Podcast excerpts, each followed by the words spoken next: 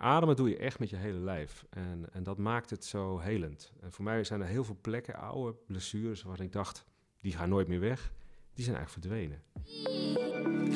Wij zijn Marije en Naomi en in Op Zoek nemen we je mee in onze zoektocht naar antwoord op levensvragen. We interviewen experts over vernieuwende en eeuwenoude zienswijzen en hopen hiermee antwoord te krijgen op al onze vragen over gezond en gelukkig zijn.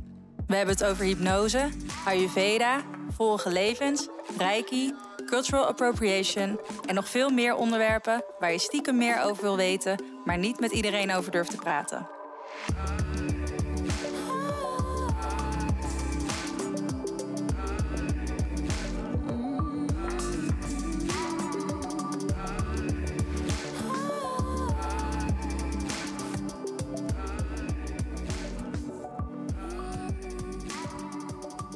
Hallo lieve luisteraar, welkom. Wat fijn dat je luistert. Ehm, ja, we hebben natuurlijk uh, onze laatste aflevering twee weken geleden online gezet. En toen uh, begonnen we eigenlijk net in deze gekke coronatijden. Inmiddels zijn we al wat meer gewend, uh, maar toch zijn we nog steeds heel dankbaar ehm, dat je nu even de tijd neemt, ook misschien voor jezelf, om even lekker naar deze podcast te luisteren. Mijn naam is Naomi. En ik ben Marije. En wij zijn gestart met op zoek omdat we deze gesprekken over spiritualiteit, persoonlijke ontwikkeling, gezondheid en nog veel meer misten in het Nederlandse medialandschap. Ja, en een van die onderwerpen waar wij graag meer over wilden weten is uh, breathwork, in het Nederlands ook wel ademwerk. Um, daarover gaan we vandaag in gesprek met Peter Vermeijeren. En uh, Peter is breathwork coach en meditatieleraar. Vanuit zijn organisatie Breath of Freedom organiseert zij ademsessies. Uh, je kan naar een groepsessie toe of één op één breathwork coaching krijgen. En ik heb in januari een uh, groepsessie gedaan bij Peter. Dat vond ik echt super spannend, want ik heb in het verleden best wel last gehad van astma als kind en later hyperventilatie. Dus ik had best wel wat angsten rondom ademen. Maar goed, het werd 2020 en ik dacht, new year, new me. Uh, we moeten de angsten onder ogen komen. Laten we dit uitproberen. Uh, en toen had ik echt een hele, hele, hele toffe sessie en uh, hele bijzondere ervaring bij Peter. Dus ja, daar hoor je in deze aflevering meer over. Maar ik dacht, laten we Peter vooral alles vragen over wat breathwork nou is en wat het voor je kan doen. Ja, en Peter die brengt eigenlijk verschillende stromingen samen in zijn eigen model. Dus we gaan het hebben over de benefits van breathwork op fysiologisch, mentaal, emotioneel en spiritueel niveau. Hij vertelt natuurlijk zijn levensverhaal. Wat ik heel erg leuk vond om te horen hoe hij vanuit meditatie bij ademwerk terecht is gekomen en wat die combinatie vooral voor hem betekent. We delen dus ook onze eigen ervaringen tussendoor. En na dit interview hadden we jullie eigenlijk willen aanbieden om een uh, breathwork sessie met Peter te kunnen doen. Um, en samen met ons een, uh, een evenement gecombineerd. Maar door de coronamaatregelingen gaat dit helaas niet door. Peter die biedt dus nu wel online breathwork sessies aan. Dus mocht je daar in je quarantainetijd gebruik van willen maken, ga dan naar zijn website. De link staat in de show notes en het uh, live evenement uh, met op zoek komt hopelijk later nog. Ja, en voordat we het interview induiken, volgende week komt er een extra aflevering waarin we een meer spirituele en energetische blik bieden uh, op corona. Uh, maar inmiddels zitten we ongeveer twee weken thuis nu. Uh, dus wilde heel even een kort verslagje geven van hoe het nou met ons gaat. We zijn ook heel benieuwd hoe het met jullie gaat. Dus deel ook vooral je ervaringen en je verhalen met ons. Um, ik moet zeggen dat ik tot nu toe best wel trots ben op mezelf. En hoe ik deze situatie handle. als ik denk aan mezelf twee, drie jaar geleden, dan denk ik dat ik echt alleen maar in angst uh, had gezeten. Dus ik ben zelf heel blij om bij mezelf dan die groei te merken dat dat dus nu niet meer het geval is. Dat wil helemaal niet zeggen dat ik de hele tijd een soort van de kante zelf ben, want dat, dat is zeker niet waar. Uh, maar ik merk wel welke dingen ik kan doen uh, en welke tools mij heel erg helpen om, om gewoon goed in mijn vel te zitten. Um, en ook de dingen die ik vooral uh, niet moet doen. Dus zoals te veel nieuws kijken. Ik merkte wel een paar dagen ik ineens... zat ik ook live blogs te volgen en weet ik veel wat. Ik werd gewoon helemaal zakt in, zeg maar, uh, to the story. Uh, en toen merkte ik dat ik, daar, dat ik me daar echt niet beter van ging, ging voeden. Dus ik zorg dat ik gewoon op de hoogte ben van de belangrijke maatregelen. Ehm, maar dat ik niet de hele tijd weer ieder nieuw artikel dat er, dat er online komt gaan lezen. Um, en hetzelfde geldt ook een beetje voor mij dat als ik te veel in meer de uh, conspiracy theorieën kant duik, uh, ja, dat, dat werkt voor mij gewoon ook echt niet. Het is gewoon voor mij heel belangrijk um, dat ik zoveel mogelijk in het hier en nu ben. En ik, ik heb veel hoop gewoon voor hoe, over hoe de wereld eruit ziet als we hier met z'n allen uitkomen. Ik geloof wel dat deze crisis nog wel even voort zou duren. Maar ik hoop gewoon heel erg dat het echt een katalysator is voor positieve verandering. Dus daar probeer ik mezelf op te focussen. En um, ja, wat ik dan ook nog doe wel om me goed te voelen. Dat zijn ook dingen die ik gewoon de afgelopen jaren heb gewerkt. Die voor mij uh, goed werken. Ook omdat ik al best wel een tijdje thuis heb gezeten. Bijvoorbeeld um, omdat ik overspannen was. Is um, echt iedere ochtend als ik opsta beginnen met nou ja, nu vaak ook reiki. Uh, daarna een half uur sporten, gewoon in mijn woonkamer. En dan een gezond ontbijt maken, douchen. Uh, en op die manier structuur mijn dag brengen. Tussendoor veel naar buiten gaan. De dag afsluiten met yoga. Um, ja, dat zijn wel dingen die ik echt bewust doe om ervoor te zorgen dat ik me zo. Uh, ja, dat ik me gewoon goed voel. en als ik de hele dag in mijn bed zou liggen en alleen maar zou Netflixen, denk ik niet dat het ook mentaal zo goed met me zou gaan. Dus uh, dat is ook wel iets waar ik echt bewust bij stilsta en aan probeer te werken. En hoe is het voor jou, Naoom? Mooi, Marij. Ja, heel veel hetzelfde natuurlijk. Dus ik, ik haak gewoon eventjes op wat in. Um, ja, wat ik vandaag bijvoorbeeld deed is... Wij hadden een podcastopname weer voor een andere aflevering. En toen heb ik gewoon wel een spijkerbroek aangetrokken. um, en toen zei Thijs nog van... Hé, hey, je hebt een spijkerbroek aan. En toen dacht ik, ja, ik wil gewoon die actieve uh, houding voelen. Want het zou nu ook heel raar zijn om mijn yogabroek aan te doen, waar ik normaal gesproken natuurlijk wel in werk. Um, dus dat helpt mij heel erg door me wel gewoon op een bepaalde manier ook aan te kleden. En um, ja, ik merkte zelf de afgelopen tijd. Kijk, de healing journey is wel echt iets actiefs. En wat constant blijft, ook in mijn leven. En um, dus er waren momenten waarop ik angst voelde en daar echt even doorheen moest gaan. En um, Reiki helpt daar natuurlijk heel erg bij. En wat ik ook merkte op een gegeven moment is als ik dan ging in, intappen op die meer het collectieve onderbewuste, dan voelde ik het echt helemaal buzzen. En op het moment dat ik daar uitging en weer bij mezelf kwam, dan merkte ik eigenlijk dus heel veel rust en kalmte en ook wat jij zegt, dan aan de ene kant lees je die complottheorieën en aan de andere kant lees je het nieuws. En tegelijkertijd uh, kun je naar het grotere geheel kijken en wat het allemaal voor de aarde gaat doen en, en voor ons als collectief. Um, en zo heeft alles weer zijn eigen frequentie. En ik vond dat heel erg interessant om daar ook een beetje mee te, mee te spelen. Om even op die golf te gaan zitten. Oh, nu even op die golf te gaan zitten. En soms ook ongewenst. Dan zat ik gewoon bam in de angst. en dan moest ik juist weer heel bewust terug naar die andere golf.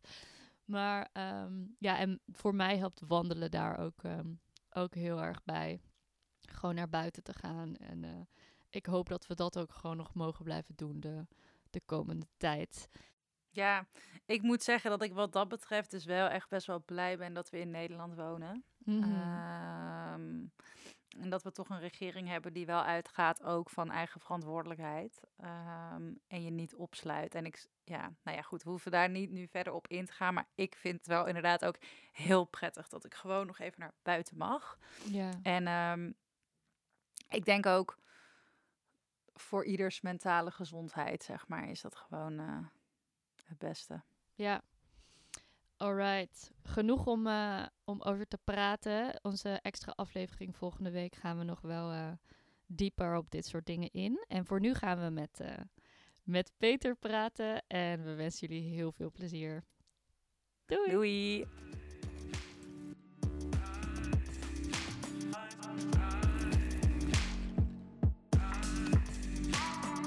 Hi Peter. Hallo. Welkom. Hoe noem jij jezelf? Breath, ademcoach, breathwork coach? Noem ik me eigenlijk iets? Ja, breathwork coach, ja. En meditatiecoach, ja. En waarom Ja. dan? Want je hebt het inderdaad veel over breathwork. Is er een reden dat je het in het Engels de term vooral gebruikt? Of is het gewoon omdat het je doelgroep internationaal is? Of? Ja, de doelgroep is heel internationaal. Ja, dus mijn eigen netwerk is heel internationaal en daar is ook het mee begonnen. We zijn begonnen met een groepje eh, vrienden. En er zat van alles bij. Van mensen uit Syrië tot Amerika, tot Finland en Nederlanders. Dus we hebben het heel veel in het Engels. Zijn we begonnen. En alle literatuur is ook in het Engels. Eh, De breathwork, holotropic breathing. eh, nou ja, alles is in het Engels. Top. Dan gaan we Ja. deze podcast ook gewoon over breathwork hebben en niet over ademwerk. Oké. Breathwork. ja. Ja, prima. Ja. Nou, wil jij jezelf anders even voorstellen wat je, wie je bent, wat je doet? Ik ben eh, Peter Vermeijden. Ehm, ik heb recent Breath of Freedom opgericht. En eh, ik ben opgeleid als fysiotherapeut. Dat heb ik vrij lang gedaan. Maar altijd het gevoel gehad dat je daar niet helemaal de essentie mee bereikt van eh, wat ik zou willen met mensen. Ehm, ik heb, op een gegeven moment ben ik meditatie gaan, gaan doen zelf. Na een hele mooie eerste ervaring. Waar ik misschien later nog wat over kan vertellen. Ehm, en ik heb mindfulness aan chronische pijnpatiënten gegeven, bijvoorbeeld. Dat was wel heel essentieel, vond ik. Heel belangrijk dat je veel meer kijkt naar wat de achtergrond is van mensen en hun klachten dan eh, naar de klacht zelf. Eh, en de omgang daarmee, het gedrag, de gedachten daarbij, het gevoel daarbij, zijn vaak veel belangrijker dan de klacht zelf. Ehm, daarbij horende was ook, ik stopte met mijn praktijk in 2007. Die heb ik verkocht. En toen dacht ik, ja, patiëntenbeleving is zo ontzettend belangrijk. Ehm, ik ga eh, die patiëntenbeleving online zetten. En dat was mijn eerste venture of start-up. Die heette zoekdokter.nl. En zo ben ik ook in digital health eh, beland. En daar, daar zit ik nog steeds in. Ik zit in digitale gezondheidszorg. Projecten doe ik. Ehm, ik werk nu toevallig samen met een start-up die ook eh, met ademwerk bezig is. En een app met een wearable daarvoor aan het ontwikkelen is. Dus dat, dat doe ik ook. Maar het, eh, ja, het spirituele werk wordt steeds groter. Het wordt steeds, eh, krijgt steeds meer de overhand. Dat was een soort sidetrack. En dat begint nu een hoofdtrack te worden. Dus je zei net Ja. eh, dat je het gevoel had dat je ehm, niet tot de essentie kwam met fysiotherapie van wat je zou willen. Wat was, dan, wat was het dan dat je miste? Of wat was dan volgens jou die essentie? Ja, dat, is- dat, is heel, dat is een hele interessante vraag. Ehm, wat je eigenlijk doet met, met, met fysiotherapie, je, je, je, pakt de dingen vooral fysiek aan. Eh, er is wel een model wat gebruikt wordt, dat heet het meerdimensionaal belasting-belastbaarheidsmodel. Waarbij je kijkt naar alle factoren waardoor iemand eh, zijn belastbaarheid verlaagd is. Of eh, waarom de belasting te hoog is en of dat wel in balans is. En daar zitten ook psychologische zaken aan, er zitten ook wel er zitten fysieke zaken aan. Eh, er zitten gedragsmatige zaken aan. Maar ehm, vaak als je dan in gesprek gaat, en ik heb iets van 60.000 gesprekken gehad, heb ik wel eens uitgerekend. Dan zit eronder zit vaak nog een laag. En dat is eigenlijk past dat niet meer in het vak. Dat is eigenlijk veel meer eh, de echt essentiële laag waar je het over hebt. En dat heb ik nu met ademwerk en met meditatie is dat echt iets wat ik wel kan raken, wel kan vinden met, eh, met mensen. En dat, ja, dat vind ik heel boeiend. Dat, dit, dit is het meest essentiële wat ik nu kan doen. Meditatie en ademwerk. En met name die combinatie vind ik, eh, vind ik heel boeiend. Ja. En kun je de luisteraar even meenemen in een, ehm, in een ademsessie, breathwork sessie? Hoe die gaat. Mhm. Oh, dat is ehm, wat we vaak doen, en dat is, eh, dat is mijn methodiek die ik nu in de loop van het jaar heb ontwikkeld, is dat we beginnen met een, eh, met een meditatie. Om mensen even te laten landen, even tot rust te laten komen. Iedereen komt binnenvliegen op een vrijdagavond of op een zondagmiddag of op een zaterdagochtend. Ehm, dus zonder introductie gaan we meteen de meditatie in. Dan vervolgens ehm, weten we iedereen welkom, doen we vaak een hele korte ronde van eh, waarom ben je hier? Iedereen zit daar met zijn eigen reden. Eh, in één zin of een, paar woorden zeg waarom je vandaag hier gekomen bent voor het ademwerk. Ehm, en dan vaak doen we nog een, eh, meditatie met subtiele ademoefeningen. Dus eh, pranayama-achtige oefeningen of eh, oefeningen waarbij je meer verbindt met je buik of hart. Ehm, en dan houden we een korte pauze. Soms doen we nog wat connecting dingen, dus met, in tweetallen. Dan houden we een korte pauze en dan doen we een lange ademcirkel. En die ja, duurt meestal afhankelijk een beetje van de tijd die, die we hebben uitgetrokken. Maar voor een gebruikelijke ademsessie die in totaal 2,5, 3 uur duurt, duurt het echte ademwerk duurt ongeveer een uur. En uh, vanavond gaan we nog een langere doen. Die is anderhalf uur. dat is echt een intensive. Waarmee we mensen nog wat dieper gaan proberen in hun diepere laag van hun bewustzijn te brengen. Ja. En wat gebeurt er dan um, als je ademwerk doet of ondergaat? Zeg maar wat, en ik heb het gevoel, er gebeurt natuurlijk heel veel, maar als we het eerst gewoon even, um, ja, hoe zeg je dat? Op het fysieke level? Op het fysieke level ja, ja. uitleggen. Ja, zo, zo, deel ik het vaak ook in. Body, mind, spirit. Um, op het fysieke level, uh, nou, ten eerste even de methode. Wat je, wat je doet, is je gaat heel intensief diep in en uitademen. Dus liefst door de mond, waarbij de mond open is bij de uitademing. En dan adem je 100% in, dus volledig in. En je released op de uitademing. Je ontspant op de uitademing. Um, wat er dan gebeurt is dat je um, heel veel zuurstof binnenkrijgt. Dus alle cellen in je lichaam beginnen heel veel zuurstof te krijgen. Normaal als je sport en je ademt diep, dan wordt dat zuurstof meteen verbrand. En nu uh, blijft dat zuurstof eigenlijk aanwezig in je lichaam. En dat ga je voelen als tintelingen in je handen. Uh, de zuurgraad verandert in je, in, je, in je lichaam, waardoor je soms ook krampen kan krijgen. Uh, er ontstaan allerlei chemische processen die, uh, die normaal heel stabiel zijn, die raken een beetje uit balans. En, um, en dat is heel gezond. Dat is een soort um, stimulering van je, van je sympathische zenuwstelsel, zoals dat heet. Um, dat is op neurologisch niveau. Dus hè, in eerste instantie heb je gewoon de, de, zuurstof en dan heb je op neurologisch niveau gebeurt er ook van alles. Uh, je, in eerste instantie wordt je sympathische zenuwstelsel aangestuurd. Uh, dat is onderdeel van je autonome zenuwstelsel. Wat we vroeger dachten, daar hebben we geen invloed op. Dat autonome zenuwstelsel, dat hebben we wel. Uh, blijkt nu met, met allerlei technieken. Um, die parasympathische wordt gestimuleerd en dat geeft een soort fight-flight reactie. Dus er ontstaat cortisol, adrenaline. Um, en na een aantal keren ademen, ademen we volledig uit en doen we een breath hold of een adem vasthouden. En in dat vasthouden uh, ga je eigenlijk van een sympathische naar een parasympathische reactie. Dus je neurologische, je, systeem gaat naar een rust op dat moment. Uh, en dat geeft een hele diepe ontspanning. Vooral na die inspanning ontstaat er een hele diepe ontspanning. Fysiek, maar ook in diepere lagen uh, mentaal en, in, uh, en, en zelfs spiritueel als je langer doorgaat. Um, de methode die ik gebruik is een beetje een combinatie van die cyclussen. Dus we ademen ongeveer 4, 5 minuten door met een breath hold in de uit- en de inademing. Dat doen we een aantal keer, 3, 4, 5 keer.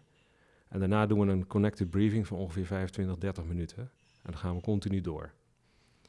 En dan, uh, en dan ga je veel dieper nog in, in, in diepere laag. Maar het is heel belangrijk om eerst in instantie in die golfbewegingen dat ademwerk te doen, om er een beetje in te komen. En dan vervolgens wat langer door te gaan, waardoor je wat dieper gaat. En aan het einde doen we weer een aantal cycli, omdat je dan in een hele diepe meditatieve staat kan komen.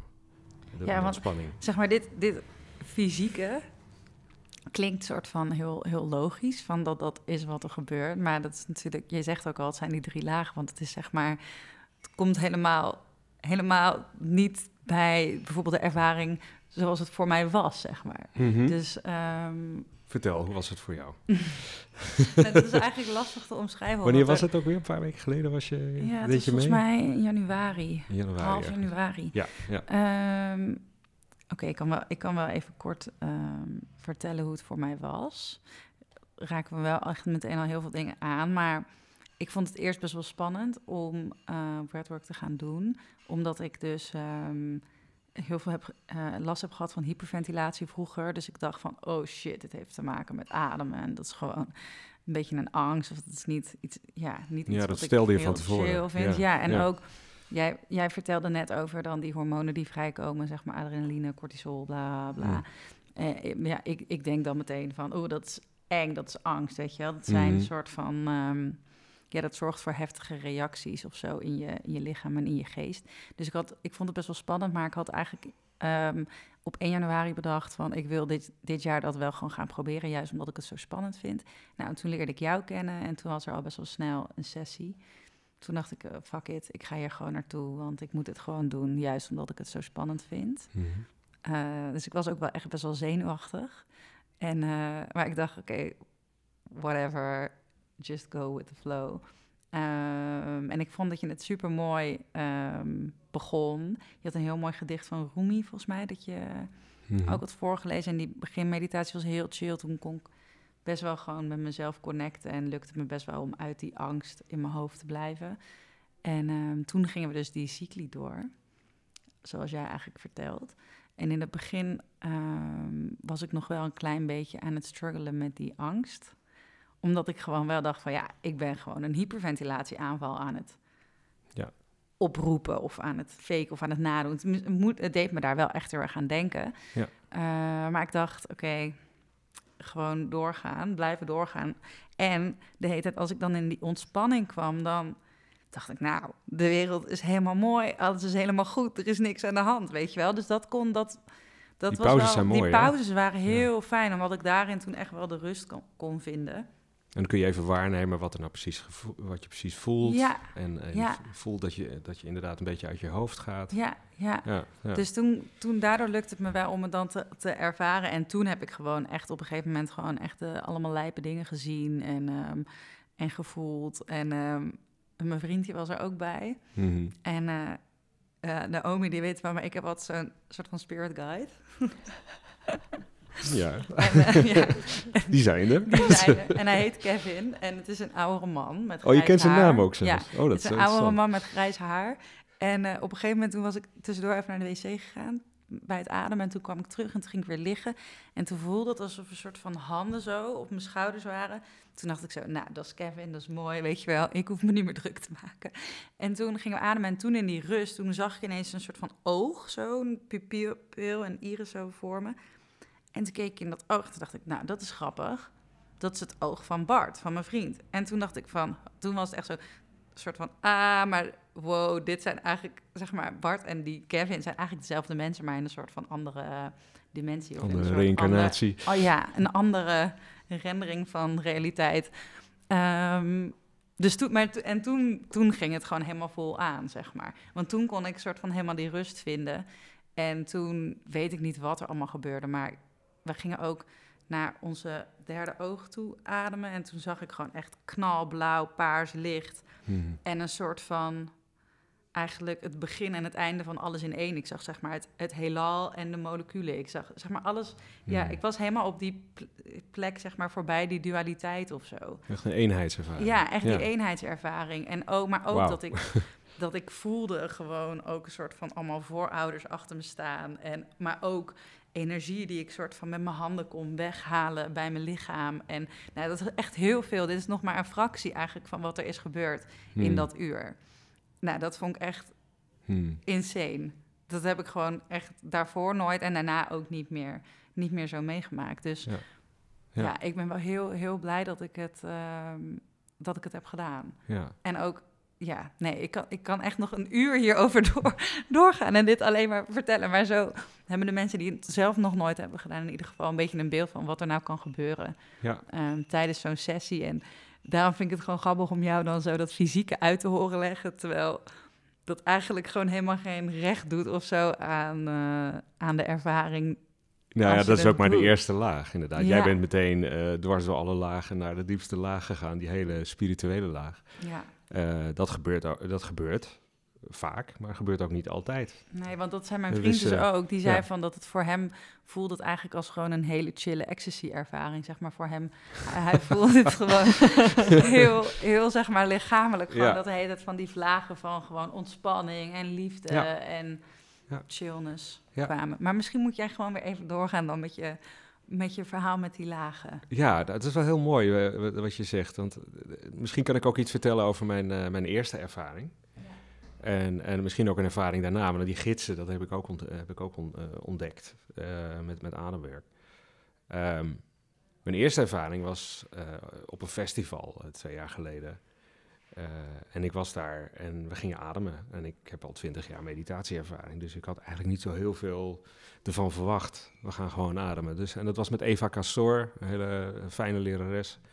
Deed het heel goed. gebruikte eigenlijk alleen eh, de, de psychedelic breath methode, wat eigenlijk een soort gemodificeerde Wim Hof methode weer is. Ehm, en na 40 minuten ademen, ik, ik voel natuurlijk al enorme fysieke eh, sensaties en, en zoals het ook eh, erbij hoort. En, maar ik had er eigenlijk nog niets van verwacht. En op een gegeven moment hoorde ik iemand schreeuwen. En dat was ik zelf. Ik was echt volledig buiten mezelf. En ik hoorde echt een soort dierlijk geluid.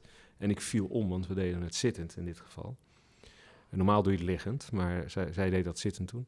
En ik viel om en ik, nou, er kwam een soort dierlijk gebrul uit. En ik voelde een, een steen op mijn hart breken.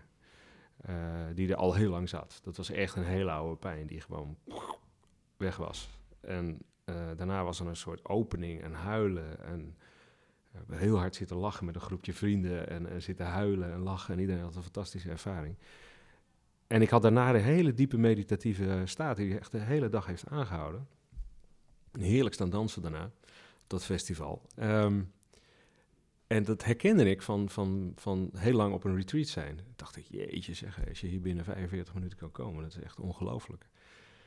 Ehm, en zoals een, eh, iemand die een, een ademcirkel hier ook meedeed, eh, samen met zijn bedrijf, eh, David Anou is dat, die zei... Jeetje, zegt hij, dit is mindfulness on steroids, zei hij. en zo voelde het mijn eerste ervaring ook echt zo. Ja, van een hele diepe meditatieve ervaring. Een andere ervaring voor mij was dat ik op een gegeven moment eh, in een ademcirkel eh, hier in Amsterdam... ehm, zag ik ineens, een, was, was, was alles wit licht. Alleen maar wit licht. En volledige opening. En ik was gewoon in dat witte licht.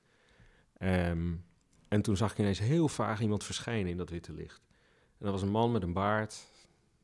Ik schat hem een jaar of zestig of zo. Heel vriendelijk, heel mooi. Heel, eh, heel rustgevende uitstraling had. En die knikt zo naar me. Die zit zo lachend naar me te kijken. En het was echt alsof hij er was. Het was geen droom, het was geen gedachte of een fantasie. Hij zat daar gewoon. En hij zat me heel vriendelijk aan te kijken. En hij bleef me zo aankijken. En ik, eh, ja, ik schoot al helemaal vol en tranen over mijn wangen. En hij hij veranderde langzaam in een hele mooie vrouw. Met prachtige, eh, scherpe blauwe ogen. En die kwamen heel dicht bij me. En die keek me recht in mijn ogen aan. Met dezelfde soort uitstraling. Dezelfde liefdevolle uitstraling. Word weer emotioneel als ik erover vertel. Merk ik. En zij verandert ineens in mijzelf. En ik zie mezelf met die uitstraling die zij hebben. Dus zoals ik zou kunnen zijn. En dat was echt fantastisch. Dat was echt zo van, oh, maar dit is dus mijn ware, diepe zelf. Zo kan ik dus zijn. Eh, ze gaven me dus een beeld van hoe ik zou kunnen zijn. Eh, eh, of wie ik in het diepste wezen ben, eigenlijk. Ja. ja. Ja. Nou, dat waren twee, twee ervaringen. Er zijn er nog veel meer, maar dat is wel ja, zo overtuigend eh, als dit. En daarnaast zijn er heel veel, even terug naar het fysiek, en dan ga ik even door die laag heen. Zijn er heel veel oude pijnklachten in mijn lijf verdwenen door het ademwerk. Het mooie van ademwerk is, eh, het is een psychedelische ervaring. Maar wat ik laatst een neuroloog hoorde zeggen, die daar onderzoek naar doet, hij zegt, ademwerk is eigenlijk heel fysiek. Is niet alleen maar mentaal. Dus als je een psychedelicum neemt, LSD of, eh of psilocybine, eh, dan is het, dan is vaak een mind-ervaring. Is heel, niet zo heel vaak een, ook nog eens een fysieke ervaring. Je bent heel erg in je mind. Ayahuasca is iets fysieker, maar dan heel heftig vaak. Je moet kotsen en je voelt van alles in je lijf. Maar ademen doe je echt met je hele lijf. En, en dat maakt het zo helend. En voor mij zijn er heel veel plekken, oude blessures, waarvan ik dacht, die gaan nooit meer weg. Die zijn eigenlijk verdwenen. Op één plek na nog. Oh ja? Ja. Waar moet je nog aan werken? Eh, mijn, mijn rechter uh, iliopsoas, mijn heupbuiger. En dat is een, een spier die bekend staat om een oude angst vaak. Dus die, daar zit nog iets om mee te werken, ja. ja, ja. Maar heupen is vaak niet van jou, hè? Oké, Als je vertel. dingen op je heupen draagt, Ja, dan is het vaak niet van jezelf. oké, Misschien iets van je moeder? oké. Ga ik eens naar kijken. Oké, Ja, dankjewel. Ja, jij bent natuurlijk therapeut, hè? Dus ik gooi hem er in. Ja. vertel eens, wat, eh, wat, eh, wat, eh, hoe, hoe, hoe werkt dat precies? Nee, ik heb eigenlijk een technische vraag. Oké, Ehm, ik hoopte dat jij dit kan uitleggen. Ik vertelde dat net al tegen Marije. De eerste keer dat ik, zei ik net ook al tegen jou dat ik breathwork ging doen, toen kon ik er niet goed in komen. En toen moest iemand me echt aan mijn handje meenemen, zeg maar, ja, om me er doorheen te trekken. En En waar doorheen? ehm, ja, de ademsequence. Het lukte me niet goed om Oh, ja, echt ja. goed naar binnen te ademen en me Ja. over te geven eigenlijk. Ja.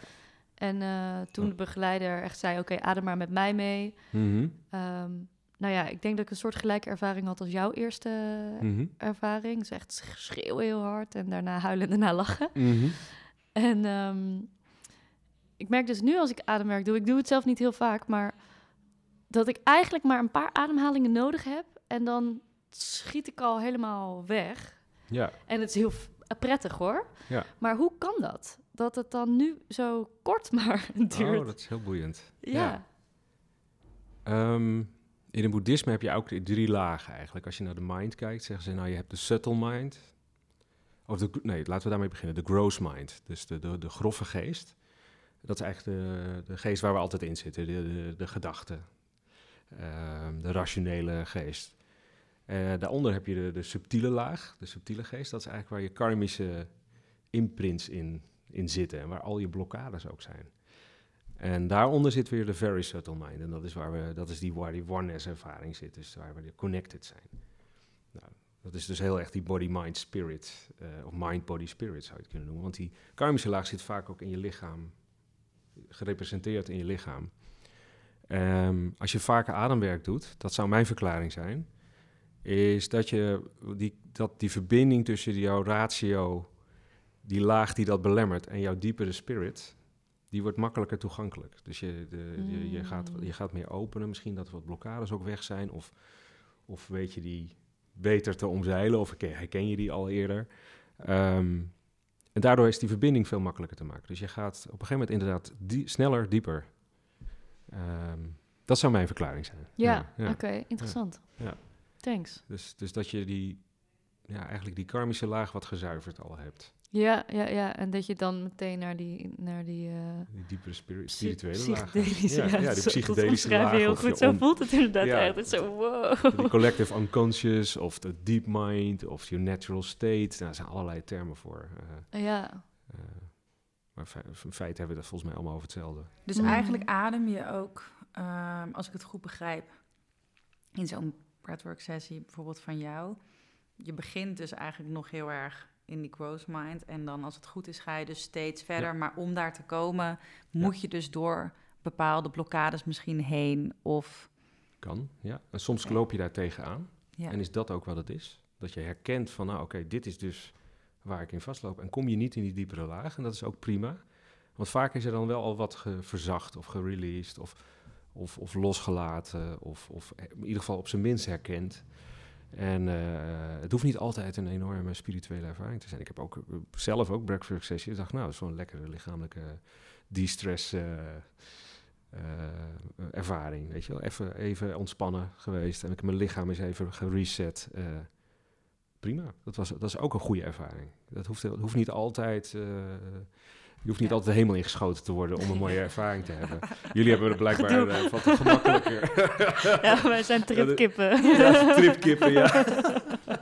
dat zegt mijn touwtrainer altijd. Ja. Gewoon een tripkip. ja, ja. Maar op wat voor, je zegt, eh, mijn lichaam gereset. Kun je dat misschien technisch nog even uitleggen wat er dan gebeurt? Ja, eh, wat, je, wat je li- lichaam eigenlijk doet is... Ja, dat kun je op allerlei niveaus eh, ook weer verklaren. Ten eerste gaat de zuurstof naar alle cellen. Dat is, er is nu ook geloof ik, eh, de laatste Nobelprijs voor geneeskunde ging ook over die oxygenation van cells. En, en ehm, dat schijnt zelfs op, op, op, op, op genetisch niveau, de telomeren, het uiteindelijk, wat te kunnen doen. Dus dat, dat zou je, als je het heel echt tot celniveau terugbrengt, zou het mogelijk kunnen zijn dat je met ademwerk of met het, het, in ieder geval eh, voldoende zuurstof brengen bij al die cellen in je lijf, dat je daar zelfs op celniveau wat, wat mee doet, of op DNA-niveau wat mee doet. Dat is, dat is één. Eh, ten tweede doet het ook wat met je immuunsysteem, je- een stimulering van je immuunsysteem. Ehm, wat ook nog, eh, als je kijkt naar de, je, je parasympathische zenuwstelsel bijvoorbeeld, dat wordt gestimuleerd. Dat geeft een betere doorbloeding van al je, eh, van al je weefsels, want dat regelt je doorbloeding. Ehm, het verlaagt ontstekingsreacties in je lichaam, want je parasympathische zenuwstelsel, als die tot rust komt, eh, dat, die, zorgt ervoor, die zorgt voor herstel. Dus mensen die heel lang onder stress leven, die hebben hele hoge markers voor, voor ontsteking. Ehm, en met ademwerk kun je wat meer ontspanning gaan krijgen en daardoor je parasympathicus aanzetten en daardoor minder ontstekingsreacties krijgen. En daardoor wellicht ook andere ziektes voorkomen. Dat, is, dat, is allemaal, dat wordt allemaal nog onderzocht en volgens mij gebeurt er nu heel veel op dat gebied, maar ehm, dat, is, dat zijn nog verklaringen. Ehm, Nou, ik vind het al nervus- heel veel. ja, er- er- er is nog zo'n zenuw, de hersenzenuw, de vaguszenuw. De, de nervus vagus, die is verbonden van je hersenen naar je longen en hart, naar je buik. En die senst de hele tijd wat er hier in dit gebied gebeurt. Dus in je, in je buik en in je hart. En die geeft dat door aan je hersenen. En ehm, de vagal tone wordt dat genoemd, de vagus tonus, is belangrijk dus voor hoe sensitief je bent, eh, intuïtief vanuit je buik en je hart. Dus als mensen die alleen in hun hoofd zitten, die hebben een, een te lage vagus tonus vaak. Dus die, nou ja, dat zijn allemaal verklaringen. maar er gebeurt nog veel meer in je lijf. Maar dat, eh, de- dit zijn een beetje de verklaringen die ik zo, eh, zo even bij de hand heb. Ehm even kijken, zijn er nog meer dingen? Ja, en hoe zit Ja. het dan eh, met ehm, echt dat daadwerkelijk dingen zien? Wat jij ook al zei. ehm, hè, je, je zag echt die man en je zag echt die vrouw. En ik zag ook echt dat licht, dat paarse licht. Dat was niet zo van, oh, ik zie het alleen als ik mijn ogen dicht doe of zo, zeg maar. Het was gewoon hier. Ja. Ehm, en je had het natuurlijk ook al over dat je dan die natuurlijke DMT aanmaakt. En dat het Ja. dus een, een soort werkt als een soort psychedelic. Zou je daar misschien wat meer over kunnen vertellen? Ja, er zijn verschillende verklaringen waardoor je die, die subconscious of die, dat onderbewuste wat meer naar boven komt. En de eerste is eh, dat je je prefrontale cortex die wordt minder actief. Ehm, en dat betekent dus dat je dat de, de, de controle vanuit die prefrontale cortex, vanuit dat wordt, wordt minder. Eh, en daardoor heeft, heeft je onderbewuste meer de ruimte om naar boven te komen. Dus die diepere, oudere lagen in je zenuwstelsel komen wat meer naar boven. En daar zitten eigenlijk die, die, die onderbewuste dingen die we, die waar we normaal dus echt niet van bewust zijn. Eh, en daar gebeurt van alles in. En dat is tamelijk onverklaarbaar bijna. Dat, zit bijna, dat, zit, dat gaat voorbij het denken ook. Dat is ook wat, ja, wat je in alle spirituele tradities ziet van... Als je dat soort dingen meemaakt, ja, daar is eigenlijk geen rationele verklaring voor. Maar wel, het is er wel. En het is, voelt vaak nog echter dan de werkelijkheid waar je normaal in zit. Zo'n visioen is vaak nog echter, zoals je waarschijnlijk, waarschijnlijk ook hebben ervaren. Het is Ja. zo waar wat je meemaakt. Het is zo essentieel voelbaar wat je meemaakt. Ehm, Zelfs kleuren lijken soms nog verder, vind ik, oh, absoluut. dan, eh, dan nu. Ja, Super raar, vind ik dat. ja een soort... de kleuren zijn prachtig. Ja. Ja. Ik heb zelfs een keer tijdens een, een, een breathwork sessie gedacht van... Nou ja, Salvador Dali, je bent echt een sukkel. het, lijkt, het lijkt nergens op wat jij maakt. Wat ik hier zie is echt veel mooier. het letterlijk dacht ik dat. Want het leek een beetje op zijn schilderij. Het was heel weird, weet je wel. Het was heel psychedelisch. Het leek een beetje op Salvador Dali, maar veel mooier. Maar heb je niet, even zijsportje, maar al die doeken en, en, en, en schilderijen of graphic design, zeg maar, die mensen maken van bijvoorbeeld wat je ziet in ayahuasca of wat je inderdaad Ja. ziet bij, bij breathwork of zo. Het is altijd, dan zie ik dat en dan denk ik, ja, komt in de buurt, Ja, precies. maar het is toch een beetje trashy of zo. Ja. Klopt, ja. Wat wij er weer als mens van maken, wat, dat, het is bijna niet te reproduceren. Nee. Nee. Het is bijna niet op, op, in- zeg maar in de werkelijkheid te brengen. Het is zo ontzettend mooi. En dat geldt voor kleuren, maar dat geldt ook voor emoties en voor, voor alles, denk ik. Ja. Ja, daarom is het ook altijd zo moeilijk om het dus na te vertellen. ja, Want je, je, je kan het wel vertellen, maar je kan het ook weer niet vertellen. Want Ja. het speelt zich af ergens op een plek waar gewoon niet eens woorden bestaan. Dus je Ja. probeert iets weer eh, in een bepaald concept te gieten. Of Ja. ehm, ja, ja, gewoon onder woorden te brengen. Maar Mm. ja. dat is helemaal niet waar het is. En dat is ook, hoeft ook eigenlijk helemaal niet. Maar we willen dat gewoon heel graag. Omdat je het gewoon Ja, wil delen natuurlijk. Maar ja. ja. En, en, en soms is het nog beter in een beeld te vatten, maar ook dat is dan vaak nog knullig. Want eh, bijvoorbeeld in het protocol van holotropic breathing van Stanislav Grof, eh, het is fantastisch wat die man allemaal gedaan heeft op het gebied van breathwork. Die, in zijn protocol is dat je na die 2,5 uur krijg je een blaadje voor je neus met allemaal stiften. En dan kun je gaan tekenen wat je hebt meegemaakt. Om in ieder geval nog iets vast te houden van wat je hebt. eh, en natuurlijk is dat nog steeds een slap aftreksel van wat je werkelijk hebt meegemaakt. En Ja, ik ben wel ja. ook echt meteen gaan Ja. dingen proberen dus ook inderdaad in symbolen en in tekeningen en zo te Ja. vatten. En in woorden en in dingen. Maar het voelt echt Ja, inderdaad maar jij als... kan ook mooi schilderen en tekenen. Als Ja. ik dat doe, dan ziet het er ook Ja, dan is het, eh, als een kleuter die een tekening heeft gemaakt. Met Ja. lekkere primaire kleuren. nou. ja, precies, ja. ja. Ja. Maar Maar je kan ook je inzichten opschrijven daarna, dat helpt ook. Dus dat je, ehm, ja, ik heb soms wel zoveel inzichten dat ik eh, vaak onthoud je er maar drie of vier en de rest ben ik alweer kwijt. Maar ehm, toch heeft het, heeft, landt het ergens in onbewust, dat weet ik zeker. Ja, ook al schrijf je ze niet op en dan breng je ze niet naar je ratio. Ja. Ja. En hoe gebruik jij ehm, ja, deze technieken dan in je dagelijks leven?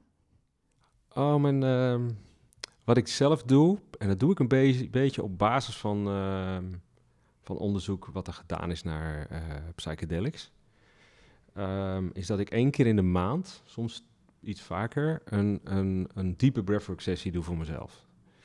En dat geeft me vaak al zoveel inzichten dat ik daar zeker weer een paar weken zoet mee ben. Dus ik, ik hoef niet een diepe breathwork elke week te doen. Dat zou ik ook niet, zeker niet aanraden aan mensen.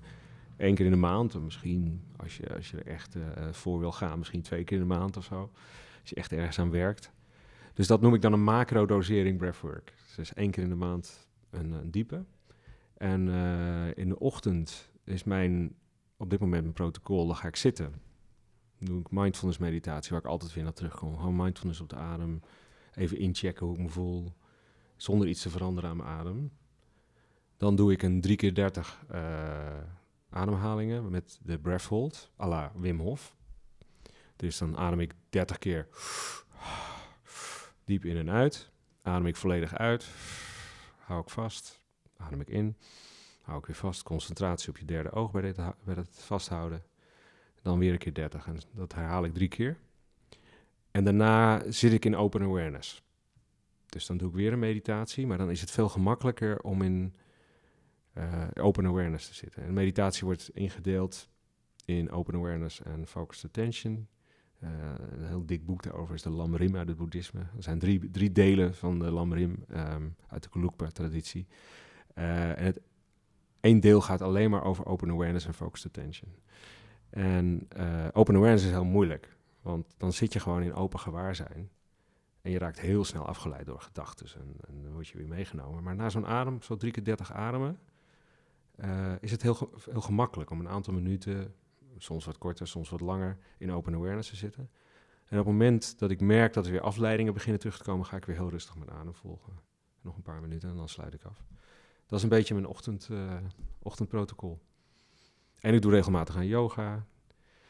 ehm, waarbij ik heel erg op mijn adem let. Ik vind dat een beetje onderbelicht in de meeste yogalessen. Ik probeer elke, el- de hele les door vier seconden in, vier seconden uit. Elke beweging, elke houding, vinyasa, probeer ik echt met mijn adem te werken.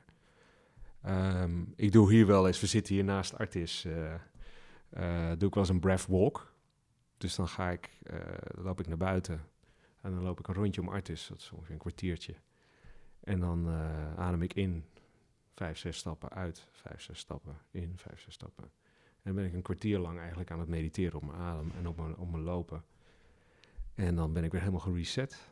Dat is echt, eh, dat is heel makkelijk. Vooral als je heel onrustig bent, is een Oh, breathwalk echt heel heerlijk. lekker inderdaad. Ik heb een hond. Ja. Thanks, ik ga deze meenemen. Misschien kan die meedoen. Ja.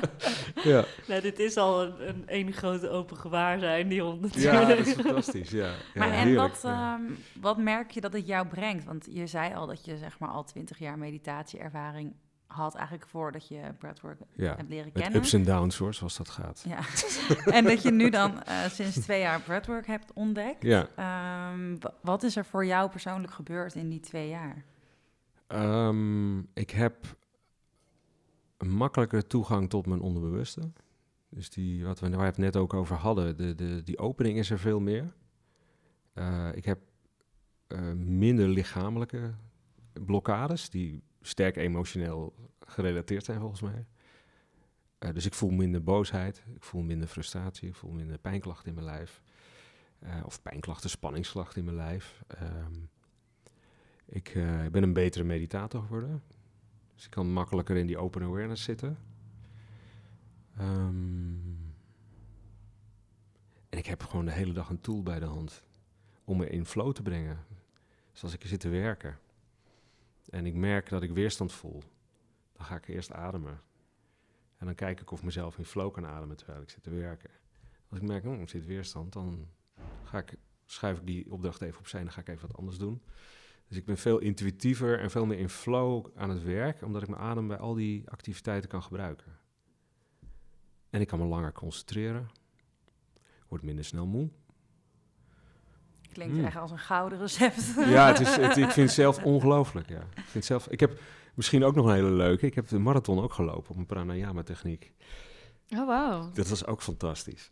Dus, eh, nou, ja, ik In zal- wat voor tijd? Ik heb daar geen verstand van, maar dat is een ding toch? Zeg maar, in, in welke tijd? nou, dat zal ik je vertellen. Ik wilde alles onder de vier uur, vond ik prima. Oké. Dat, dat was, eh, dus ik had echt niet een heel sterke doelstelling of zo. Dus ik ging gewoon eh, lopen. Maar ik had net een paar weken daarvoor een, een, een ademtechniek geleerd... waarbij je eh, door je eerste chakra ademt, dan je tweede, dan je derde, zo omhoog. Nou, dat, ik ging rennen en ik ging dat doen. Dus je ademt in door je eerste. en ik, ging- ik ging gewoon heel rustig ademen zo. Ehm, en ik stond in het vak van de drie uurlopers. Dat is veel te snel voor mij, maar goed. Maar ik liep met iedereen mee op een gegeven moment. En, en op een gegeven moment kon ik die adem zeg maar, helemaal van in één lijn door, door mijn hele lijf naar de hemel in. Door mijn lijf uit, de grond in. En dan inademen door, mijn- door, mijn lijf heen naar de hemel en weer terug. En op een of andere manier kon ik me heel goed concentreren die dag. Dus ik bleef heel makkelijk bij mijn adem. En ik liep echt zo makkelijk. En ik werd helemaal niet moe. En ik zat helemaal in flow. En, en ik keek op mijn, op mijn horloge. Mijn hartslag was veel lager dan normaal. En ik liep anderhalve kilometer sneller dan wat ik normaal liep. Dus, nou, dus ik denk, nou, ik zal zo wel crashen, maar ik loop maar lekker mee, want ik voel me goed. Dus ik bleef maar doorlopen en na 15 kilometer was ik zo high als wat van die adem. ik was echt zo high als een klontje. En, en halverwege was ik nog steeds niet moe. En ik liep mijn halve marathon tijd met 10 minuten sneller of zo. Dus ik dacht, nou, nou ja, ik ga maar door. Ik zie wel waar het schip eindigt. Ehm, nou, dat schip eindigde ongeveer bij 36 kilometer. Want toen kon ik, toen, ik liep veel harder dan normaal, dus mijn benen begonnen pijn te doen. En ik kon dat het ritme van mijn adem op een gegeven moment niet meer vasthouden. Het werd chaos op een gegeven moment. En, maar ik liep wel, ik liep 35 minuten sneller. Dus ik liep 3,24. Wow. Terwijl ik er wel vier, vier uur had moeten lopen. En eh, ik kwam huilend over die finish. Ik was echt, ik was nog best wel, ik had natuurlijk die pijn, maar ik had ook die ervaring van die highness tijdens het lopen. Een runners high, maar dan nog veel higher, zeg maar. Ja. Is dat, nou, dat is wel heel bijzonder. Dat je met je adem. En ik begrijp nu waarom. Ik heb natuurlijk een beetje ben een beetje gaan zoeken van hoe kan dit? Dit is zo bijzonder. En ik denk dat het te maken heeft weer met de ontspanning. Dus dat je, als je, je normaal als je gaat hardlopen, dan ga je, ga je vrij snel ademen. En dat brengt ook je, je adem is direct verbonden aan dat zenuwstelsel. Dus dat zenuwstelsel wordt opgejaagd, gaat adrenaline aanmaken en cortisol. En je vaten gaan daardoor worden daardoor nauwer. Maar als je ontspannen blijft, blijven je bloedvaten veel meer open. Je spieren krijgen veel meer de bloeding. Je zuurstof gaat, wordt veel efficiënter gebruikt. Dus dat zou de fysieke verklaring kunnen zijn. Naast dat je er ook nog in de mind van alles gebeurt natuurlijk. Dus dat was eh Wow. Jeetje. fascinerende ervaring. Maar ja. het is wel een eh, don't try this at home, want jij bent natuurlijk fysiotherapeut ook van beroep. En nou, dat zien de luisteraars niet, maar je hebt een goed fysiek, fysieke bouw, je bent getraind. Dus ik denk niet Ja. dat je dit ongetraind, eh, oh, voor ik, je ik, fysiek toch, heb ik het even over, puur je fysiek. ik denk dat dat geen enkel probleem is. Nee? Nee, ik denk dat je heel, als je gewoon eh, je adem vertragen, zou al, denk ik al, tijdens, het- tijdens het rennen, moet je maar gewoon eens proberen. Dat is echt, eh, dat, dat helpt al. Ja. Ja. En dat geeft ik geen enkel hardlopen dan gevaar. wel leuk. Ja, ja precies, ja. Echt, ja. Hey, ik, Ja. ehm, ik wil nog heel even terugkomen bij jou, want ehm, nou, je vertelt natuurlijk dat je al twintig jaar mediteert en je, ja, je, je spiritu- spirituele practice wordt alleen maar meer, eh, neemt een steeds grotere rol in. ja. Ehm, maar het komt natuurlijk vaak niet uit het niets. Eh, Hmm. Dat je je hiertoe voelt aangetrokken of dat je met bepaalde vragen leeft. Ehm, dus ik vraag me eigenlijk af, zou je iets meer kunnen vertellen over waar je wat dat betreft zelf vandaan komt? Ehm, Hmm. Hoe zag jouw leven eruit voordat je ehm, begon met mediteren? En wat zijn bepaalde eh, blokkades of dingen die je hebt moeten overwinnen? Hmm. Ja, dat was, een, eh, was heel interessant. Ik had. Ik was ongeveer. Ik was bijna 30. En. ehm, nou ja, ik had alles goed gedaan, weet je wel. Ik had eh, gestudeerd, ik had een eigen praktijk als fysiotherapeut. En eh, ik had een lange vriendin en we zouden gaan trouwen. En vlak voordat we gingen trouwen, dachten we allebei, "Hmm, dat gaan we maar niet doen. Letterlijk, twee weken van tevoren. dat was heel vervelend. Ehm, een hele, hele nare periode. En toen zei een eh, hele wijze oude vriend van mij... Peter, weet je wat jij moet doen? Je moet gewoon alleen met je rugzakje even naar Azië. Dat lijkt me goed voor je. Ik had het nog nooit gedaan. Maar ik dacht, nou, laat ik het maar eens doen. Dus ik heb een ticket omgeboekt en ben eh, eh, naar Singapore gevlogen, rugzakje door Maleisië. En ehm, nou, ik was het totaal niet spiritueel. Echt eh, alleen maar hard aan het werk. En ik vond het heel leuk om mensen te helpen. En ik was heel scientific ook, weet je. Ehm, en toen zag ik een jongen naast mijn guesthouse mediteren. En, ik was daar best wel door gefascineerd op een of andere manier. Dus ik vroeg aan hem, omdat gewoon een normale gast was, geen rare hippie, gewoon zo iemand zoals ik. Ik kon daar een beetje mee, mee levelen met hem. En was een Engelse jongen en die zei, nou, heb ik in India geleerd en dan volg je adem. En, zei, nou, en als je afgeleid bent, ga je weer je adem volgen. Dat is het eigenlijk. Ik zeg, nou, dat lijkt me simpel, dat ga ik doen. ga ik keer proberen. En de volgende dag liep ik door de jungle en ik liep de berg op. En bovenop de berg eh, liep samen met een, met, een, meisje uit Australië en die bleek ook te mediteren. En bovenop de berg was een plateau, een bamboeplateau waar je zo over, over de jungle kan uitkijken. En daar in Maleisië is echt, het is honderden miljoenen jaar oud, een van de oudste jungles eh, wereldwijd. Het is echt een prachtig gebied. We gaan daar zitten en ik ga voor het eerst van mijn leven gewoon vijf minuten mediteren. Dus ik ga mijn adem volgen en uh, keek over die jungle en op een gegeven moment deed ik mijn ogen dicht. En na een paar minuten kwam voor mij de hemel naar beneden. Het was echt totale mindshift. Het was echt alsof ik in één keer in die spirituele laag zakte. En ik deed mijn ogen open en die bomen zagen er anders uit. En het meisje naast me zag er anders uit. En ik had totale zelfliefde, totale zelfacceptatie. Uh, uh, ik, was, ik, liep, ik liep de berg af en die bladeren leken wel licht te geven. Um, het was echt het was heel bijzonder om dat, uh, om dat mee te maken. Um, en dat heeft een aantal weken aangehouden. Dus ik, ik, ik, was, ik, was, voelde me ineens heel erg uh, verbonden met alles. En mensen kwamen ook veel meer naar me toe. Ik liep op het vliegveld en mensen begonnen met me te praten. En, terwijl ik dat normaal nooit zo had meegemaakt, niet zo spontaan. En ik was heel helder in mijn geest. En heel, uh, ik onthield alles. Ik was heel tevreden. Ik was nooit moe. Ik had weinig slaap nodig. Dus het was echt een soort totale mindshift van één keer mediteren. Toen dacht ik, nou, ik ga toch maar eens die spirituele boekwinkels in... waar ik normaal altijd met een grote boog omheen loop. en toen, ja, dat is het begin geweest. Toen ben ik een aantal boeddhistische boeken gevonden. Ben ik yoga gaan doen, zen-meditatie. En uiteindelijk vooral op het Tibetaans-boeddhistische pad beland. Ja, via organisatie in Amsterdam, Rigpa. Ook bij Shambhala nog gezeten. Uh, Zen-centrum Amsterdam. Uh, Jumpo Roshi uh, Zen heb ik nog gedaan. Er zijn een aantal dingen, vooral in de boeddhistische hoek, want dat sprak me heel erg aan. Uh, omdat het heel verklaarbaar is en heel bijna wetenschappelijk. En dat sprak me heel erg aan. Um, maar het is ook best wel droog boeddhisme. Is heel, heel textueel is het. En later ben ik leraar Ramdas gaan ontdekken die veel meer vanuit bhakti-yogi uh, denkt. Uh, vanuit, vanuit, overgave en veel uh, meer vanuit warmte en vanuit connectie. En, en die, dat pad ben ik de laatste jaren wat meer aan, aan het volgen. Dus echt overgave. overgave aan die diepere laag die er is. Want meditatie was voor mij een soort waarnemen van, van mijn geest. Dat was het. Uh, en, maar ik verlangde heel erg naar die diepere spirituele laag die ik toen had ervaren. Maar dat heb ik heel lang niet meer terug, kunnen terugvinden. En dat is iets wat de laatste uh, vijf jaar steeds meer uh, naar voren komt. Die diepere laag. Ja. Ja. Oh ja, mooi. Dat je de ja. eerste keer zo'n glimp hebt gekregen van... Ja, wow. dit is wat je kan ervaren. En dan daarna... ja. ja. Succes! ja. Frustrerend. Want na een paar weken was het weg. ja. Ja, want je ego neem je natuurlijk mee. ja. Ja, want ik ging natuurlijk in de kroeg uh, ging ik het gebruiken. Ik dacht, oh, dat is handig. Binnen twee zinnen zit ik op iemands hart. Dat is heel makkelijk. Herkenbaar, ja, ja. ja. En toen was het weg. toen dacht ik, hmm, ik heb toch iets niet goed gedaan. maar het heeft best wel, het is een blessing, weet je wel, dat je dat meemaakt. Maar het was ook heel frustrerend om, om al die jaar... Ik heb echt al zes, zeven jaar lopen zoeken van... Ik wil dat weer terug. Maar is het ook niet... Ja. Ik had zelf... ehm, deze november had ik tijdens... was ik ook een aantal dagen op, op een ret- retreat... en toen had ik best wel wat gemediteerd. Niet uitzonderlijk veel. En toen de laatste dag was ik ook ineens... Bam, Ja. daar, zeg maar. Gewoon... ehm, Mhm. Ja, ik kan heel veel woorden gebruiken om het te omschrijven... maar In de field. daar.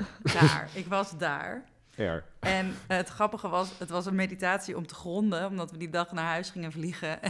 en ik zo, nou, Jij vloog de andere kant ik op. vloog de andere kant op. Dus ik ging daarna naar die meditatieleraar toe, want ik dacht, ik wilde het toch even met iemand delen, want ik had dat nog nooit eerder zoiets ervaren. Ehm, en toen zei hij ook van, nou, gefeliciteerd, weet je wel. Zo van, je bent er geweest, weet je, super mooi. Maar ik merkte dus bij mezelf dat ik meteen dacht van, oh ja, binnenkort ga ik echt tien dagen achter elkaar mediteren, weet je wel. Dat je meteen een soort van junkie in jezelf Ja. aanwakkert, die gewoon denkt van, ik wil nog alleen maar naar deze plek toe. Ja. En toen was ik bij mezelf wel meteen dat ik dacht van, ho, wacht eventjes, weet je wel, ehm, rustig aan. En ehm, nu niet. Ja, Ja. Voor mij voelde dat best wel meteen eh, een beetje. ehm, ik vond dat een niet zo'n prettig gevoel, zo van dat ik dan nog alleen maar dat zou willen ervaren, terwijl dat ook weer niet de essentie is, zeg maar. Ja. Ja, dat je dan eigenlijk weer naar een soort high of zo Ja. op zoek bent. Mooi dat je dat zegt. Ja, dat, dat klopt heel erg, ja. In, in eh, Stealing Fire, heb je dat boek toevallig gelezen? Nee, wil ik wel heel graag lezen. dat want is je, echt zo fascinerend. Het gaat over flow. eh, ehm, maar het laatste hoofdstuk heet ook Don't Become a Flow Junkie. Hmm. Weet je, dat je, dat je, dat je alleen nog maar in die, in die spiriwiri-wereld wil leven en dan niks praktisch meer doet. En, eh, Ja, dat je eh, echt dat kan alleen hoor. op een berg Dat kan een keuze zijn. ja. Dat kan, want dan werk je op een ander niveau met de wereld. Dat, dat, ik heb daar helemaal niets op tegen. Ik ben in Bhutan geweest. En nou, iemand ontmoet die de week daarna de rest van zijn leven een grot inging. Ja, dat is voor ons Westerlingen gewoon onverklaarbaar. Waarom zou je dat in godsnaam doen? Maar ja, hij gaat, hij gaat vanuit die spirituele laag. Ja, hè? hij gaat daar hij, gaat hij daar wel, Ja. Ja, Ik begrijp het wel. Ja. Ik, ik heb dat heel lang gewild, zeg maar, afzondering. Ja. Ik ook, Ehm, ja. hè? Dat, zo, ik ben nu heel blij dat ik, dat ik het magische naar, voor mijzelf, naar, de, naar het aardse kan brengen. In plaats van dat ik de hele tijd naar dat, naar dat dunne vlie- vliegende wilde, Ja. zeg maar. Ja. Toen we hadden het er ook over... Het is ook een vlucht op een gegeven moment. Ja, exact. Ja, ja. Voor, voor mijn ziel zou het een vlucht zijn. Ja. En misschien voor die man die jij, jij kent niet, Ja. is het juist zijn purpose. Maar eh, voor mij is het Mhm. echt de bedoeling dat ik dat gevoel wat je in die god kan ervaren, eh, in het dagelijks leven kan ervaren. te- Ja. Terwijl er hier allemaal trends voorbij komen. Ja. En, eh, en, er, en er Ja, gaan het is wel het moeilijkste werk. Hè? Ja. Het, is, het is natuurlijk Ja, voor mij- heel erg, nou ja, makkelijk, zeker niet in zo'n grot zitten, maar het moeilijkste werk is om die integratie te krijgen. Mm. Tussen, tussen je, en die flow tussen die niveaus, tussen die mind, body en spirit continu te ervaren. En dat ook, eh, ook, ook in je relatie bijvoorbeeld, waar we het eerder ook over hadden. Ja. Dat is ook wel interessant van... eh, Ramdas noemt dat de yoga of relationships. That's the most difficult yoga. Amen. Amen. Dat is hartstikke moeilijk. Maar dat, daar, daar ligt wel het werk blijkbaar. Ja. Voor, voor, ja. Ja, want Ja. jij vertelde toch ook, Marij vertelde, die kwam terug uit de retraite. En toen zei ik, ja, hoe heb je het gehad? En toen zei ze, ja, ik vond het eigenlijk best wel makkelijk. En ik had datzelfde dus. Ik was niet afgelopen oud en nieuw, maar oud en nieuw daarvoor. In een uh, stilte van zes dagen. En ik had het gewoon echt naar mijn zin daar. Ik vond het echt Heerlijk. Ja. Lekker uitzoomen. Ja. Ja, niemand, Ja. niemand rekening houden, niemand Ja. tegen me praten. eh, Ja. Weet je wel, je mag elkaar niet eens aankijken. Ja. Dus ook in de energie was, hield iedereen zijn energie bij, bij zichzelf. Ja, weet fijn je wel. Ja. Ik ging er helemaal lekker op. En Ja. toen realiseerde ik me ook, toen ik terugkwam, ik vond het echt pittig. Echt pittig. Juist het echt- terug zijn. ja, ja. Ja. en dan kan je zeggen van, nou, hè, we Ja. leven in een gestoorde wereld en eh, moeten we Ja. niet allemaal in een hutje op de hei. Maar toen ben- ik er voor mezelf achtergekomen dat ik dacht van, nee, ik vind het dan denk ik juist wel misschien leuk ook om dus dat wat ik daar heb ervaren te g- Mm, proberen te integreren in mijn leven. ja, ehm, Ja. Door middel van de dingen die jij faciliteert. ja, ehm, in plaats van inderdaad zo, eh, ja. zo weg te gaan. Voor, mij is het, als ik er naar kijk, voor mij gaat het heel erg, eh, toen ik, toen ik dat ervaarde, was ik was een, ik was een soort mindshift. Ik zat niet meer in mijn ratio, maar ik keek vanuit de andere kant of zo. Het was een soort omdraaien van mijn perspectief. En, ik, en af en toe ervaar ik dat nu weer, dat ik eh, een paar weken vanuit die rust kan, eh, dat ik wel, eh, wel mijn, ratio aanzet en gewoon normale dingen doe, en mijn, eh, maar heel erg vanuit die diepere flow of zo. En dan raak ik het weer kwijt, en dan kom ik er weer bij terug, en dan raak Ja. ik het weer kwijt. En dat zo. is de practice. ik zit net in het einde van een verbouwing, nou, ik ben het volledig kwijt op dit moment. maar goed, dat komt wel weer, weet je. Dus, Ja. dus volgens mij is dat het. Dat je, dat je op een gegeven moment in die... Ik weet niet of jullie dat ook zo ervaren. Dat je in die flow kan komen en dat alles makkelijker gaat. Mm, ja.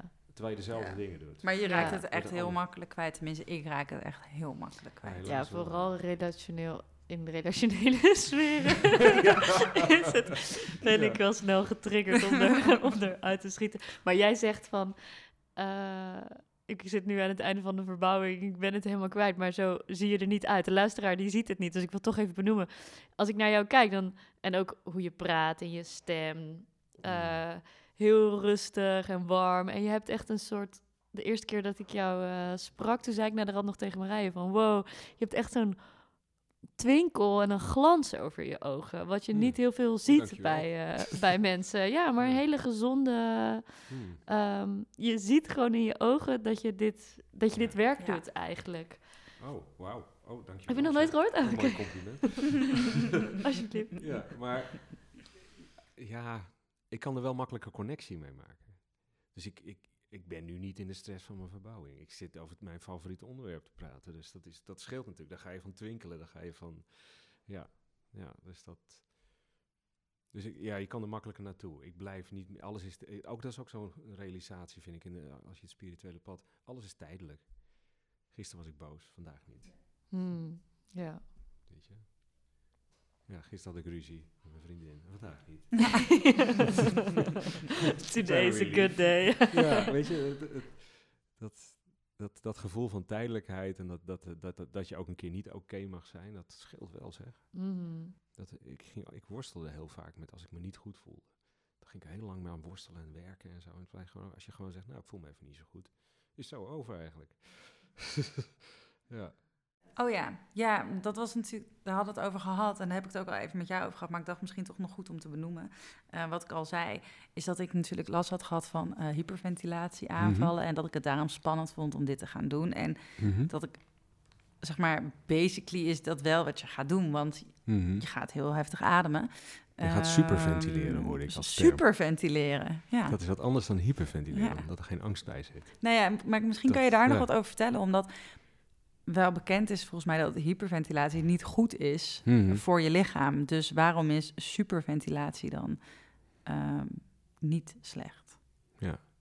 Het belangrijk, even, dan gaan we weer terug naar de, de technische details. Maar het belangrijkste is dat je, net als bij iedere psychedelische ervaring, is de set en setting heel belangrijk. Dus dat is ook de reden waarom eh, zo'n ademserie hier bijvoorbeeld vanavond duurt 2,5, 3 uur. Omdat we heel langzaam erin gaan. Dus dat je heel ontspannen erin gaat. En ik kom er steeds meer achter dat in ademwerk, als, als je het wil forceren, dan loop je vast. Dus je moet de, de ontspanning is heel belangrijk. En dat is een groot verschil natuurlijk met, met hyperventilatie. Dat, dat begint bij angst, dat begint bij, bij spanning. Eh, en dan neemt de adem je als het ware ook over. En zit je in die angst. Eh, bij ademwerk is het, of bij breathwork, we zouden breathwork zeggen, is het veel belangrijker om, eh, is, het, is het heel belangrijk om on- dat ontspannen in te vliegen. En dan blijf je, als je in de ontspanning blijft, ben je volledig onder controle van je adem. Dus dan is het ook helemaal niet meer eng. Dan is het, eh, ehm, terwijl chemisch gezien, zou je kunnen zeggen, is het bijna hetzelfde. Maar Stanislav Grof zegt er iets interessants over. Hij zegt, hyperventilatie hebben wij gepathologiseerd. Net als psychose trouwens. Terwijl dat eigenlijk zou je dat kunnen zien als een soort reset, een natuurlijke reset van je lichaam. Dus dat is interessant. Of van je geest. Dus wellicht, eh, omdat we het zo gepathologiseerd hebben, worden mensen ook banger. Wat je heel vaak ziet hè, bij bepaalde aandoeningen. Mensen worden bang van een aandoening, omdat het nou eenmaal een aandoening is genoemd, een, een diagnose is. Terwijl het misschien wel een heel natuurlijke reactie zou kunnen zijn. Het is een andere manier van kijken naar, naar hyperventilatie. Dat is wat, wat Stanislav Grof erover zegt. Dus, Wauw. ja. Ik heb altijd gedacht bij mensen die in een psychose zitten van als je goed naar ze luistert, dan zeggen ze vaak hele spirituele dingen. Ja, Ja, zeker. Hele wijze dingen. Ja. Heel erg over die, over die oneness. Ja, Een vriend van mij die zat in een psychose en die Ja. ging al zijn geld in de trein en zijn wiet aan mensen weggeven. ja fantastisch. ik zeg fantastisch, want ja, ja, Maar dat dachten wij Ja. ook. Van ja, shit, hij wordt nu helemaal volgestopt met medicijnen. Ja, Omdat hij dus tussen haakjes onhandelbaar ja, werd verklaard. Maar eigenlijk wat hij deed was in en in goed. ja, ja, precies. En eh Stanislav Grof noemt het ook een spiritual emergency in plaats van een psychosis. Eh, en toevallig hier eh, werkt iemand eh, die, die heeft een broer met psychoses. Eh, en daar hebben we daar heel lang over gehad en over hoe Stanislav Grof ernaar kijkt. En ze gaat nu een eh, organisatie oprichten om mensen met psychose te helpen. Eh, met een soort buddy-systeem. Dus binnenkort heeft ze daar dus de, de kick-off van. Ehm, om op een andere manier naar, met, naar, naar eh, psychiatrische aandoeningen te kijken. En met name psychoses. Eh, Ja. ja. Vind ik ook wel eh, heel interessant. Ja. Ja. Voor een volgende podcast. Peter, ehm, al onze luisteraars willen nu natuurlijk dit gaan ervaren. Dus die gaan jou allemaal eh, bellen, mailen, berichten sturen. Oh jee. Waar kunnen ze jou vinden? Ehm, ik heb een website, die heet breathofreedom.nl. Ehm, eh, dus breath of freedom, adem van vrijheid. Ehm, ik eh, zit op Facebook. Onder mijn eigen naam kun je me volgen, daar post ik alles. Maar ook eh, de pagina Breath of Freedom op Facebook. Op Instagram geldt hetzelfde voor. Of onder mijn eigen naam, Peter Vermeijden. Of onder Breath of Freedom kun je me volgen. Ehm, ik zet alle events op Eventbrite. Mm, ja, de komende twee keer per maand doe ik het hier bij Freedom Lab. Een groepsessie. Ik doe regelmatig hier ook één op één sessies. Eh, binnenkort ook weer in de Amsterdam Tower komen er een paar. Eh, en er komt nog veel meer aan. Maar dat eh, is nog een verrassing. Leuk. Tof, heel Eh, leuk. Ja, misschien nog om te- leuk om te vertellen. Ik ben een app aan het maken, ook waarbij wat ademoefeningen inkomen. Waarbij je me ook kan gaan volgen via die app. Ehm, en een podcastserie ook met wat oefeningetjes. Dus, nou, dat Tof. is wel zo'n beetje. Genoeg marketing. Dankjewel. Heel erg bedankt. Yes, jullie bedankt.